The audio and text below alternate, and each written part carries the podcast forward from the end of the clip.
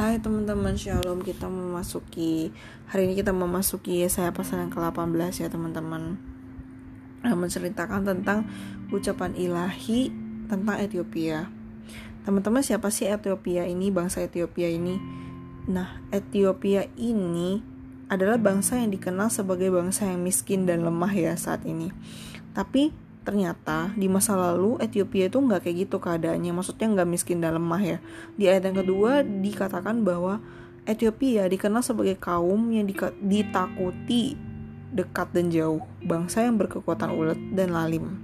Nah bangsa Mesir juga bahkan tunduk loh sama Ethiopia. Nah mereka berkoalisi kan sama Ethiopia.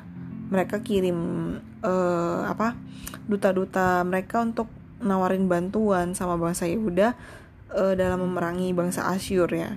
Nah, harapannya itu uh, apa nih gabungan Ethiopia, Mesir, Yehuda tuh bisa mengalahkan atau setidaknya mengimbangi kekuatan bangsa Asyur ya. Nah, tapi uh, ceritanya Yehuda tuh nolak ide koalisi ini ya karena uh, apa ya Nabi Yesaya juga ngusir duta-duta mereka yang nawarin koalisi itu. Nah tawaran itu uh, memang jalan keluar yang menarik ya tawaran koalisi yang tadi yang maksudnya supaya Yehuda bisa memerangi Asyur gitu. Nah tapi menurut Nabi Yesaya nggak berarti karena apa? Koalisi itu uh, jauh maksudnya di bawah pertolongan Tuhan maksudnya gitu. Tuhan tuh sanggup loh menolong bangsa Yehuda gitu maksudnya Nabi Yesaya. Jadi bantuan dari bangsa yang nggak mengenal Tuhan itu nggak penting menurut Nabi Yesaya. Nah e, bener ya maksudnya dari zaman zaman dulu dari yang udah-udah koalisi itu bahaya banget ya bagi kehidupan sebuah bangsa kita tahu. Karena kalau misalkan udah koalisi secara politik kadang-kadang kehidupan rohani juga bisa koalisi gitu. Jadi Israel eh, apa ya Israel Utara ya mengalami hal yang sama. Mereka buka diri sama bangsa asing gitu ya. Tapi akhirnya mereka ikutin ini ilah-ilah mereka gitu. Jadi ikut nyembah berhala gitu. Nah uh, di sini yang kita dapetin yang bisa kita pelajari ya ini ya teman-teman. Tuhan dalam memberikan pertolongannya bisa pakai banyak hal sih. Nah tapi apa? Iblis juga kayak gitu. Iblis bisa pakai berbagai cara juga untuk uh, bikin kita itu berpikir kalau pertolongannya itu datang dari Tuhan padahal bukan.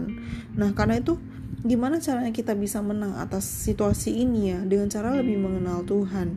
Kita harus lebih mengenal Tuhan. Jadi segala macam pertolongan yang dari Tuhan kita tahu yang dari iblis juga kita tahu gitu loh. Maksudnya uh, segala macam pertolongan yang sekiranya bisa mengalihkan kita dari Tuhan yang menjadi apa Tuhan yang menjadi sumber pengharapan kita yang utama ya yang harus kita tolak gitu maksudnya yang mengalihkan kita ya. Segala macam pertolongan yang sekiranya mengalihkan kita dari Tuhan itu yang harus kita tolak gitu loh. E, gini ya gimana pun terjepitnya keadaan kita kita harus ingat bahwa Tuhan tuh ngelihat keadaan kita dan mampu kasih pertolongan buat kita. Jadi kita nggak harus ngalihin diri ke pertolongan-pertolongan atau jalan keluar yang menjauhkan kita dari Tuhan gitu loh Nah, berhasil atau enggaknya kita keluar dari kesulitan kita sama sekali nggak ditentukan oleh ada atau tidaknya uh, jalan keluar ya sebenarnya. Tapi apakah kita melalui kesulitan itu sama-sama sama Tuhan atau enggak yang paling penting.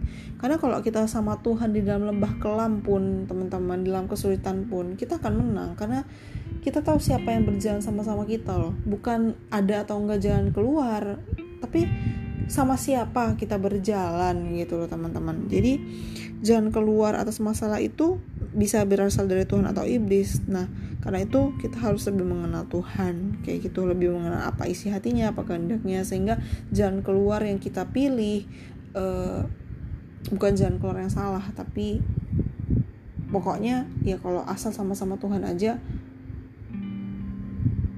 aku mau gitu jalan tapi asal sama sama Tuhan aja kayak gitu ya teman-teman. Semoga memberkati